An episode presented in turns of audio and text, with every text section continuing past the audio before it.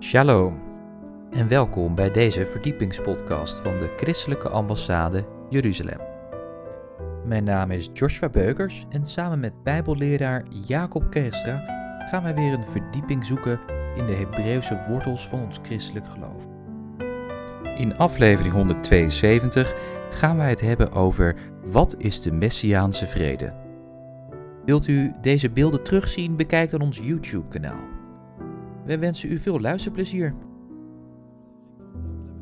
Matthäus 19, vers 26 zegt: Bij de mensen is het onmogelijk, maar bij God zijn alle dingen mogelijk. We hebben een God, without limits. Wat is de Messiaanse vrede?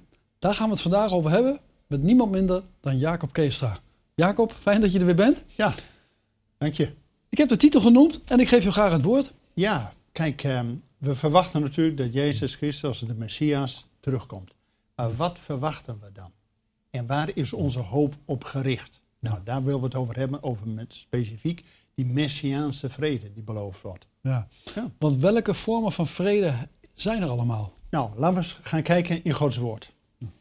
Allereerst, een, eh, ik heb een aantal aspecten daaruit eh, kunnen eh, afleiden. De eerste, wat ik dan noem, een objectieve vrede. Ja. Laten we eens gaan lezen in Colossense 1, vers 19 en 20. Colossense 1, vers 19 en 20. Ja, daar staat. Want het heeft de ganse volheid behaagd in hem woning te maken. En door hem vrede gemaakt hebbende door het bloed zijns kruises, alle dingen weder met zich te verzoenen. Door hem, het zij wat op de aarde, het zij wat in de hemelen is. Amen. Dus verzoening en daardoor dus vrede voor de hele aarde. Dat is natuurlijk al door het kruis en het bloed van de Messias beloofd. Maar wij verwachten dat wanneer hij komt als Messias, dat die vrede werkelijkheid gaat worden. Dus dat is voor de hele wereld. Dus een objectieve vrede die we nu al door het kruis kunnen meemaken. Geloof in Jezus. Ja. Maar dat wordt het zichtbaar als vrede op de ganse aarde. Ja. En dat is belangrijk. Ja? Hè? Eh, maar wat zegt dat voor ons? Ja, ja, goede vraag. Want je kunt het allemaal hebben, vrede in de wereld, en dat is zo ver weg, zo ongrijpbaar. Goeie vraag, wat zegt dat dan voor ons? Zullen we gaan kijken in Romeinen 5, vers 1, Mhm. wat dat dan voor ons te betekenen heeft. En ik noem dat ook wel eens een subjectieve vrede. Dus juist voor ons persoonlijk, een subjectieve vrede, Romeinen 5, vers 1. Ja, en daar staat. Wij dan, gerechtvaardigd uit het geloof, hebben vrede met God door onze Heer Jezus Christus. Amen. Dus dat is al, wij die tot geloof gekomen zijn in Jezus, hebben die vrede. Maar die wordt natuurlijk helemaal uitvergroot, niet alleen voor ons persoonlijk, maar voor deze hele wereld. Zodat het een collectieve vrede is voor al die gelovigen die natuurlijk al verzoend zijn. Dus wat zegt dat voor ons? Wij zijn gerechtvaardigd met God en hebben vrede met God door Jezus. Ja. Nou, dan is het al, laten we zeggen, koek en ei tussen ons en God. Ja. Dat geeft vrede in ons hart. Shalom. Maar hoe krijgen we dan vrede in ons hart? Ehm, Hè? Als pastorale toepassing, zeg maar. ja, ja, nou, dat heeft natuurlijk alles te maken. Ook wil je nu al geloven in wie Jezus voor jou mag zijn. Dat Hij de bron is van eeuwig leven. Dat Hij verzoening aanbiedt door geloven in Hem. Maar als je dat niet wilt, ja, eh, God wil geen marionetten, hè? God wil geen robots. Het is nog steeds een keuze. Wil je dit geloven en dus ingaan op de uitnodiging die Jezus doet? Of ga je dat niet doen? Maar we weten dat wanneer Hij komt in zijn koninkrijk van vrede, zullen alleen de mensen die nu al Hem erkennen als Heer, zullen Hem ook zien als Heer. Ja. En dan hebben we die vrede nu al in ons hart is, wordt wereldwijd zichtbaar. Dus dat is een verbreding van wat we nu al zien. Daarom is ook in wezen het koninkrijk van God, ze noemen dat in het Engels wel eens already but not yet. Het is er al, maar ook nog weer niet. Het is al in je hart, maar het wordt straks zichtbaar op de ganse aarde. Ja. Ja. En komt er ook vrede tussen Joden en christenen? Ja, weet je nog dat we ook eens een keer een eh, uitzending hebben gehad over ge- overeenkomsten en verschillen tussen Joden en christenen?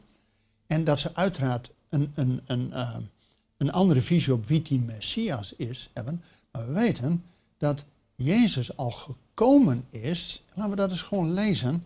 Over die vrede die Jezus heeft gebracht tussen specifiek Joden en niet-Joden. Dat lezen we in Efeze 2, vers 14. Over de scheidsmuur die er altijd was tussen Joden en heidenen. Wat Jezus dan gedaan heeft. Ja, vers 14, daar staat.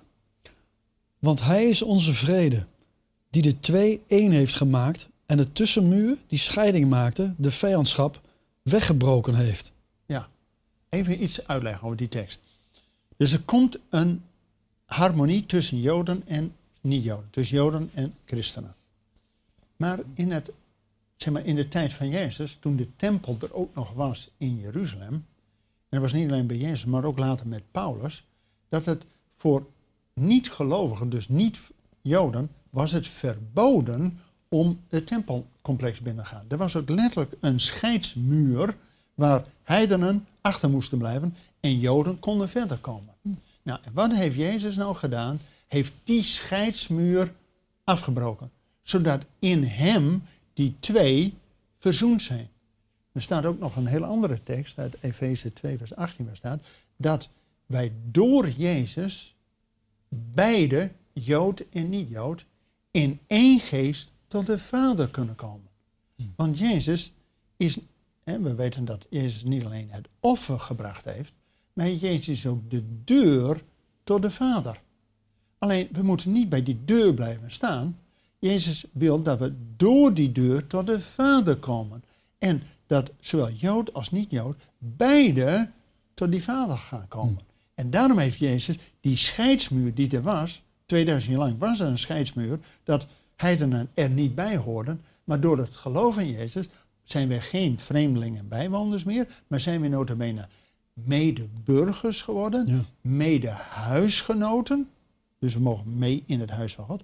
En we zijn zelfs mede-erfgenamen Amen. van die zegen van Abraham, die door Jezus ook voor ons er is. Dus wij horen daar helemaal bij. Dus God heeft geen tweede rangs eh, eh, christenen. Nee, we mogen samen met Israël tot de troon van God naderen. Nou, dat is wel eh, heel bijzonder. Ja, dus ja. die scheiding die er ook vaak nu nog is tussen Joden en christenen, die heeft Jezus al opgeruimd. En zodra hij komt als Messias over Israël en over de volkeren, is er geen scheiding meer tussen Jood en niet-Jood. We mogen beide tot die Messias komen. En hoe zien we dan in de praktijk? Hè? eh, hoe ziet het eruit? Hoe ziet dat, hoe ziet dat eruit met die vrede? Nou, Hoe zien we dat? ja. Ja, eh, zullen we dan eens lezen naar een heel andere tekst? Dat is uit Filippenzen 4, vers 7. Daar staat iets over dat God die vrede al in ons hart wil geven. Zodat we weten wat we mogen doen. Filippenzen 4, vers 7. Ja, daar staat.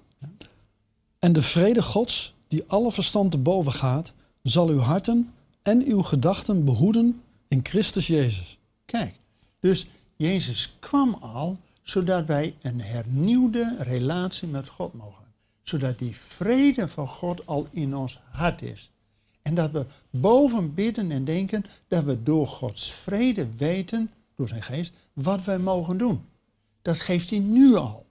En we verwachten natuurlijk de komst en heerlijkheid van de Zoon in, eh, van glorie, dat hij als de Messiaanse vrede, dat over de hele wereld, dat alle mensen geleid zullen worden door de geest van God. Ja, amen. En dat we dan niet meer elkaar hoeven te leren, ken de Heer. Nee, we zullen hem kennen en naar jagen hem te kennen. Nou, dan, eh, en dat wil, Jezus heeft dat al gedaan, dat offer, zodat we nu al boven en bidden denken, al weten wat Gods geest ons wil geven en dat we daarin vrede hebben. Dat we niet meer hoeven, oh, oh, oh, wat moet nou vandaag? Oh, oh, oh, chaos. Oh, ik weet het weer niet. Gods geest geeft jou die vrede, shalom inderdaad, dat je weet, dit moet je doen. Ja. Nou, dat is heel praktisch. Ja. Gewoon heel praktisch wat je dan moet doen. En heeft die vrede ook iets te maken met het koninkrijk van God?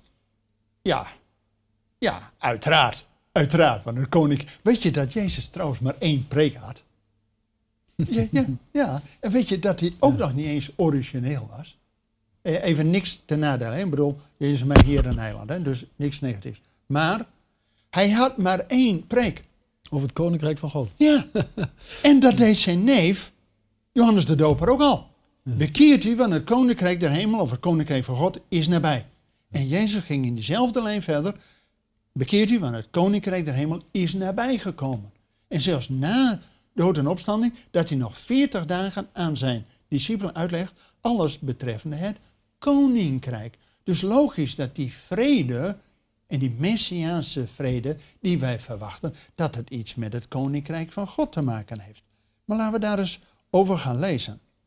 Dat ehm, ehm, in, in Romeinen 14 bijvoorbeeld, Romeinen 14 vers 17, staat ook iets over dat koninkrijk van God. Ja, daar staat. Want het koninkrijk Gods bestaat niet in eten en drinken, maar in rechtvaardigheid, vrede en blijdschap door de Heilige Geest. Ja, dus wat, wat we al hadden in die, in die Engelse uit, ehm, eh, already, not yet. Hè? Het Ja. koninkrijk is er reeds, maar ook nog weer nog niet. Ja. Dus door Jezus, dat we, en het geloof in Jezus, dat nu al die vrede in ons hart hebben en dat het koninkrijk van God, waar we dus deel van zijn geworden, bestaat niet uit eten en drinken. Alleen maar zorg voor, nou ja, natje, droogje, huisje, boompje, beest. Nee, maar het bestaat uit gerechtigheid. Dus dat we Ja. ieder recht doen. Dus ook onze naaste liefhebben als onszelf. Maar ook uit vrede. Dat we daar ook vrede door hebben. En dat allemaal door de Heilige Geest. Ja. Weet je, hebben we er ook wel eens een paar keer een uitzending over gehad. Over die gaven van de geest. Dat die, en de vrucht van de geest is natuurlijk ook liefde, blijdschap en vrede. Nou, het koninkrijk van God is nu al in ons hart dat het niet al over eten en drinken gaat, maar over gerechtigheid, vrede en blijdschap door de Heilige Ja. Geest. Ik zeg wel eens, God, eh, het koninkrijk van God is eh, eh, Gods manier van doen hier op Ja. aarde. En daar mogen wij een discipel van zijn, Ja. een getuige van zijn, een eh, evangelist. Nou, jij bent ook een evangelist. Nou, Ja. Dat is om te getuigen. Dat, maar dan moet natuurlijk wel eerst die vrede van God in je hart zijn. Anders kun je daar toch ook niet van getuigen. Dus heel praktisch wil het koninkrijk van God ons leiden in de volgende stap die we moeten doen. Niet alleen wat we wel eens vaker gehad hebben, Psalm 119. Uw woord is een lamp voor mijn voet. Zodat je precies weet wat de volgende stap is. ja, precies. En een licht op mijn pad, dat je ook visie Ja. hebt waar je heen gaat. Nou, dat kan alleen dat Gods geest door eh, jou heen mag werken. En, en eh, zullen we die andere mooie tekst nog eens lezen? Ehm, Romeinen 15, vers 13. Ja, Romeinen 13. 15, vers 13. Daar staat: De God nu der hopen vervullen u met louter vreugde en vrede in uw geloof, om overvloedig te zijn in de hoop door de kracht des Heilige Geestes. Dat is een van de mooiste teksten, Prachtig. denk ik. Ja. Dat ook weer die God die hoop geeft, maar ook die vrede door de Heilige Geest.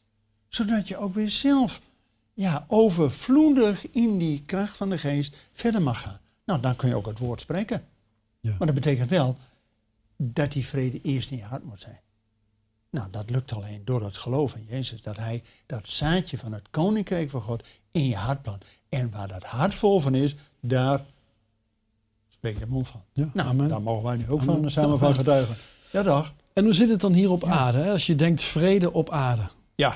ja, dat is toch wat we juist als christen vaak zingen. Hè? Vrede banen en noem maar op. Ehm, nou, dat, dat heeft Israël al eeuwen daarvoor. Maar die profeet Jezaja. Zullen we Jezaja hoofdstuk 2 eens lezen? Jezaja hoofdstuk 2, de, eh, vers 3 en 4 met name. Jesaja 2, Vers 3 en 4. vers 3 en 4. Daar staat.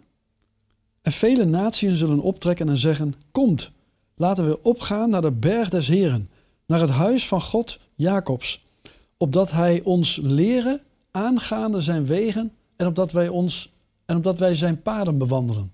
Want uit Sion zal de wet uitgaan en des Heren woord uit Jeruzalem.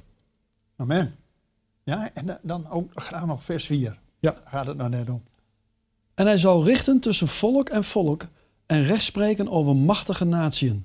Dan zullen zij hun zwaarden tot ploegscharen omsmeden en hun speren tot snoeimessen. Geen volk zal tegen een ander volk het zwaard opheffen. En ze zullen de oorlog niet meer leren. Weet je dat die tekst ook in New York voor het gebouw van de Verenigde Naties staat? Ja, heb ik wel eens van gehoord, ja. Dat, dat, eh, ja, dat wil natuurlijk iedereen graag, hè? dat eh, de, eh, men geen oorlog meer voert.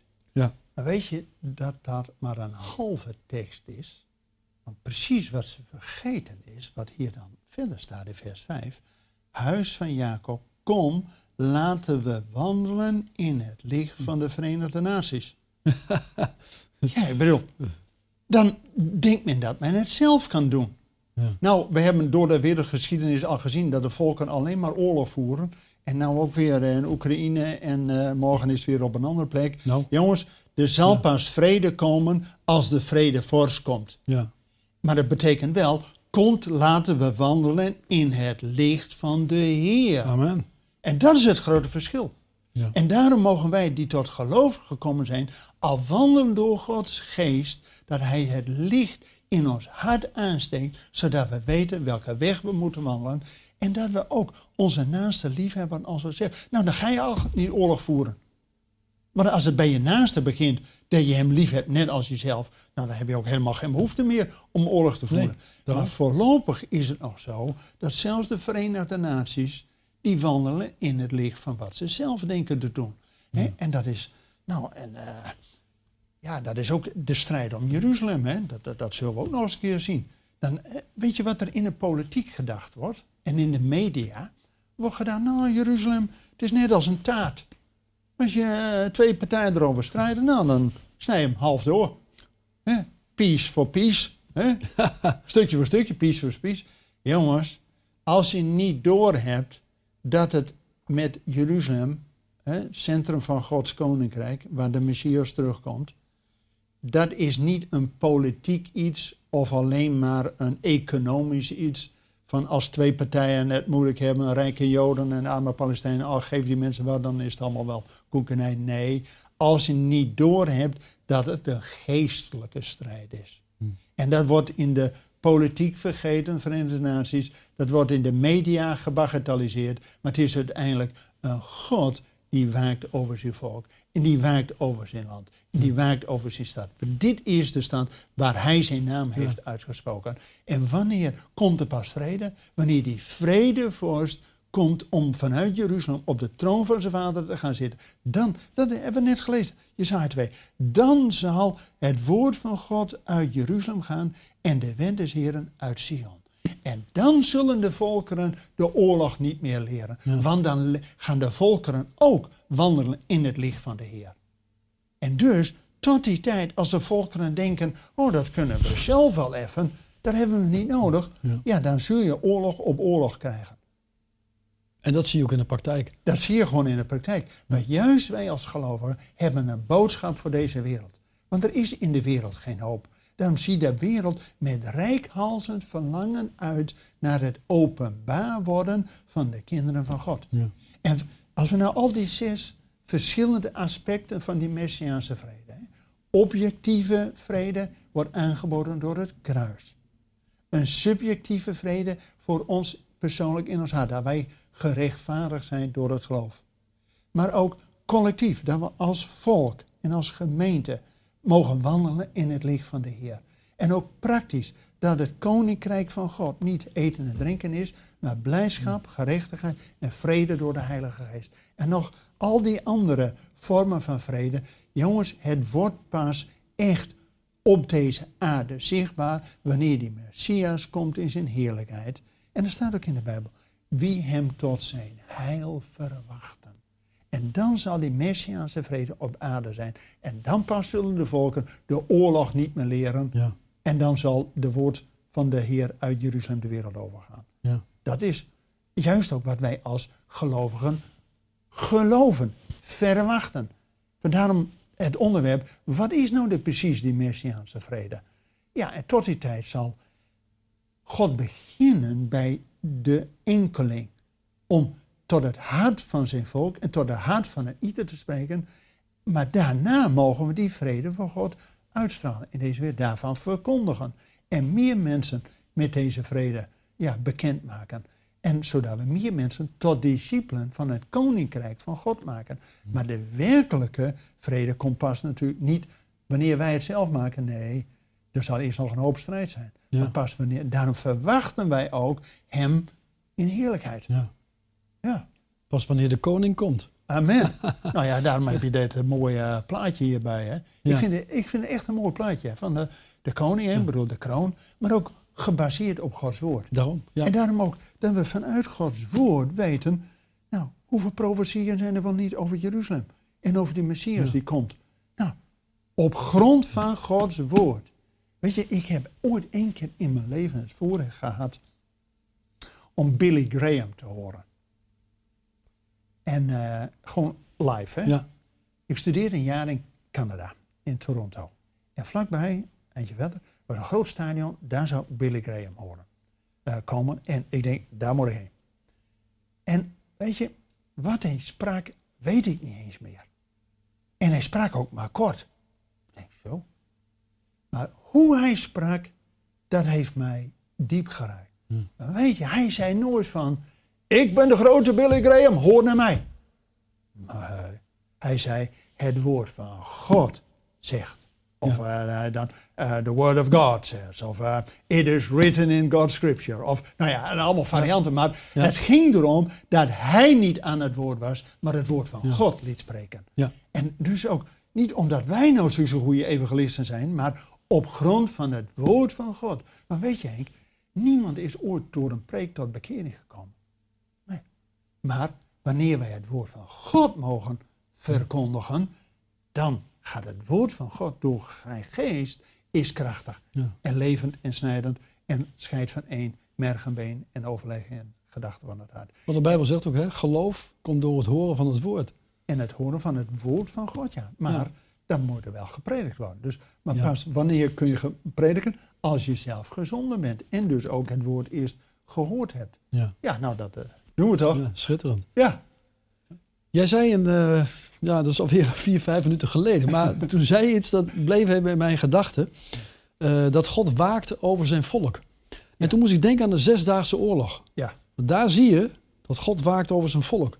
En dat wie tegen Israël is, hè, die zal vervloekt worden. Ja. En dan zie je wat er gebeurt hè, met, met zo'n land. ja, ik zou tegen de volkeren rondom Israël adviseren.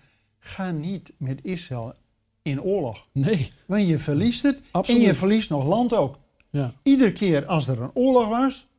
Jongens, Israël heeft niet de luxe om een oorlog te mogen verliezen. Hè? Want dan zijn ze gewoon in de zee gedreven. Dus ze kunnen maar één ding doen: winnen. Ja. En de God van Israël waakt over hem. Maar die zesdaagse oorlog. En eh, eh, toen eh, later natuurlijk ook nog de Yom Kippur-oorlog helemaal. Dat Israël, Yom Kippur, de grootste verzoendag. Hè? Iedereen is 24 uur aan het vasten, bidden in de synagoge. En dan gaat de vijand hun proberen aan te vallen. Nou, dat hebben ze geweten, die vijand. God heeft in 67, met de Zesdaagse Oorlog, Jeruzalem teruggegeven. ja, Is toen voor het eerst in 2000 jaar weer één geworden onder Israël. ja. En daarna hebben ze nog meer land gekregen. Dus ik zou niet gaan vechten tegen Israël. Want je verliest het. Niet omdat Israël zo goed is. Maar omdat de God van Israël waakt over zijn volk. En Ja. waakt over zijn woord. Maar daarom is, zijn de volkeren nog steeds aan het eh, ja, ruzien. Zoals Psalm 83 staat. Dat waarom woelen de volkeren? In zinnen de natie op ijdelheid. Want God heeft toch zijn gezalfde gesteld over zijn heilige berg. Maar die volkeren hebben een verbond gesloten om Israël in de zee te drijven, zodat aan de naam van God niet meer gedacht wordt. En daarom waakt God over zijn woord en houdt hij zijn volk staande, zodat de naam van God wereldwijd geprezen wordt. En daarom komt Jezus ook vroeg of laat naar Jeruzalem, Ja. zodat de naam van God vanuit Jeruzalem de hele wereld overgaat. ja schitterend. Ja. Nee, maar dat is het plan van God. Ja. Daar wordt vaak niet zoveel over gepreekt. Maar als je het basisplan van God ziet, ja, dan valt het eh, kwartje Ja. op zijn plekje. Mooi hoor. Ja. Jacob, we zijn alweer toe aan de laatste vraag. Het gaat snel. Als het boeiend is, hè, dan gaat het altijd snel. Maar eh, de Messiaanse vrede, hè, die is veelomvattend. Uh, is dat het paradijs op aarde? Ja. Want eigenlijk is dat in één woord samengevat, zoals waar de Bijbel mee begon. Paradijs, Hof van Eden, waar de eerste Adam was, weet je wel. Maar die deed niet zoals God gezegd had. Daarom moest er een nieuwe Adam komen. En Jezus komt pas terug bij het herstel van alle dingen. Ja. Nou, dan komt het herstel van alle dingen, wat in het begin fout is gegaan door de zon, de val, en daarna de zonvloed, en daarna noem alles maar op. Maar die tweede Adam kwam om te herstellen.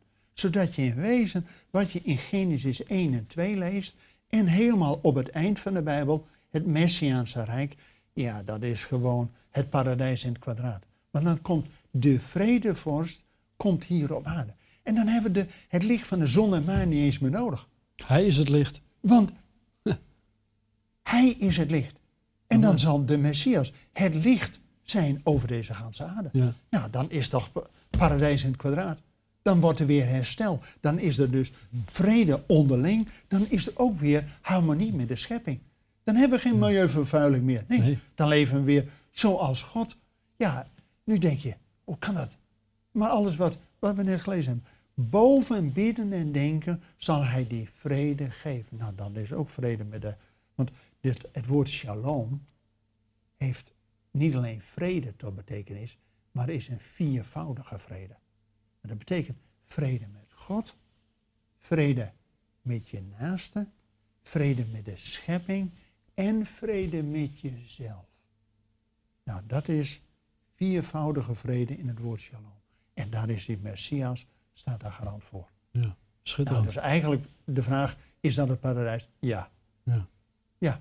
En daar zal ook, openbaring 20 en 21, zal er weer een rivier vanuit Jeruzalem de wereld over gaan. En die zal, en de, de bomen langs die rivier zullen iedere maand vrucht hebben. Ja. Tot genezing, en de bladeren zijn tot genezing voor de volkeren. Nou, dat is paradijs. En zo zie je hè, dat eh, het woord uiteindelijk zoals het was. Ja, En dat Ja. staat ook in Prediker, hè? ja, ja, klopt. Ja, Ja, schitterend. dankjewel. Ja. Ja, mooi. Ja. Jacob, hartelijk dank. Geweldige uitleg. Ik denk eh, Bedankt voor het luisteren naar deze verdiepingspodcast van de ICEJ. Waardeert u onze podcast? Steun ons dan. Dat kunt u doen door een donatie of door deze podcast te delen met uw vrienden of familie. Meer informatie hierover vindt u op icej.nl. Volgende week volgt er uiteraard weer een nieuwe aflevering van deze verdiepingspodcast. Luistert u weer met ons mee? Ik hoop van wel. Bedankt voor het luisteren en tot volgende week.